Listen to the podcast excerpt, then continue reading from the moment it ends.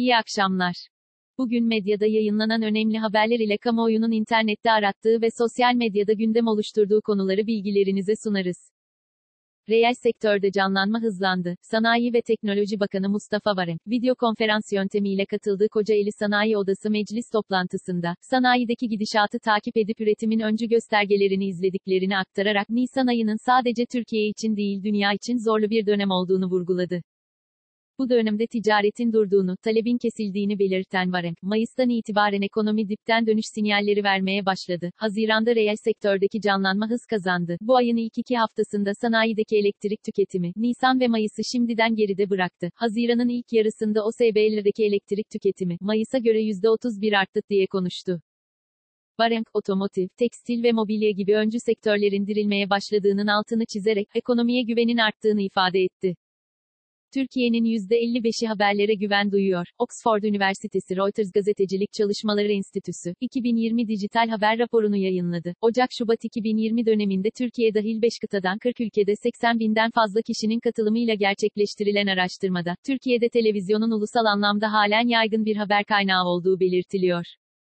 Rapor ayrıca, akıllı telefon ve internet kullanımının diğer haber kaynaklarını domine etmeye başladığını aktarıyor. Türkiye'de haberlere duyulan güven oranı %55 olurken, haber kaynaklarına ulaşımda %85 ile internet ilk sırada yer aldı. Türkiye'de TV, radyo ve basılı gazeteler arasında en çok erişim sağlanan kuruluş Fox TV oldu.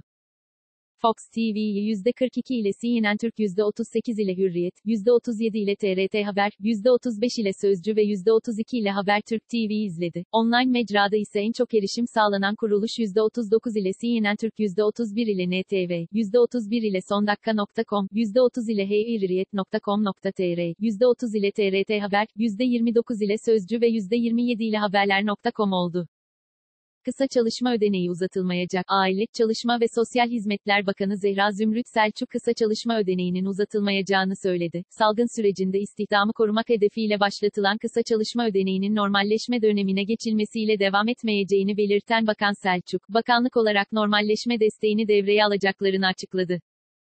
Türkiye genelinde 3,5 milyon çalışana 10,5 milyar lira kısa çalışma ödeneği aktarıldığını ifade eden Bakan Selçuk 1 Haziran itibarıyla normalleşme sürecine geçildiği için kısa çalışma ödeneği uygulamasının uzatılmayacağını söyledi. Bakan Selçuk, normalleşme sürecinde ise işyerleri işe başladığı için bu hızı devam ettirmemiz mümkün olmayabilir. Bakanlık olarak bu dönem için yeni bir destek planladık diye konuştu. Yeni destek paketinde işverene sigorta prim desteği verilmesi öngörülüyor. Kartlı işlem adedi ve temassız ödemelerde rekor kırıldı. Bankalar arası kart merkezi verilerine göre, Ramazan bayramı öncesine denk gelen 22 Mayıs Cuma gününde 26.6 milyon adet işlemle kartlı ödeme adedinde yeni rekor kırıldı. Aynı gün 7 milyon temassız ödeme ile bugüne kadar bir günde en fazla gerçekleşen temassız ödeme adedine ulaşıldı. BKM açıklamasında, internetten ödemeler hayatımızın vazgeçilmez bir parçası haline gelirken elektronik eşya ve giyim sektörlerinde daha çok tercih edildi. İnternetten kartla ödeme yapılan iş yeri adedi ise geçen yılın 1.5 katına çıktı, denildi. 2020 Şampiyonlar Ligi finali İstanbul yerine Portekiz'de yapılacak UEFA Yönetim Kurulu'nun toplantısının ilk gününde, İstanbul'da yapılacak olan, ancak yeni tip koronavirüs salgını nedeniyle ertelenen 2019 ila 2020 Şampiyonlar Ligi finalinin Portekiz'in başkenti Lizbon'a alındığını duyurdu.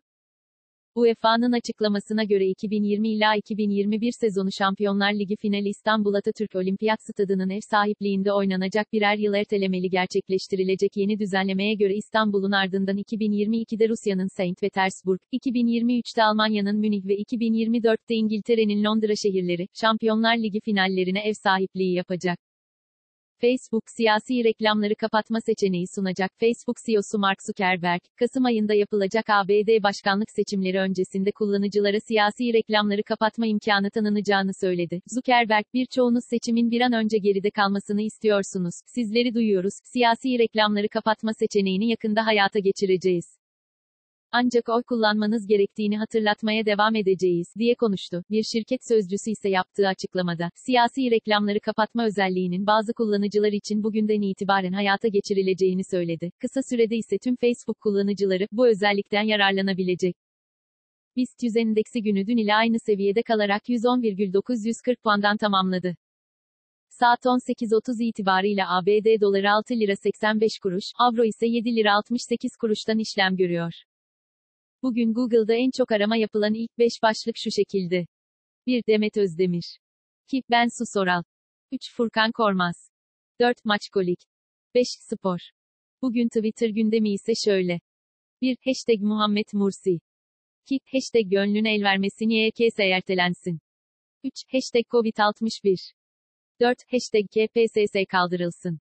5. Şule Çet.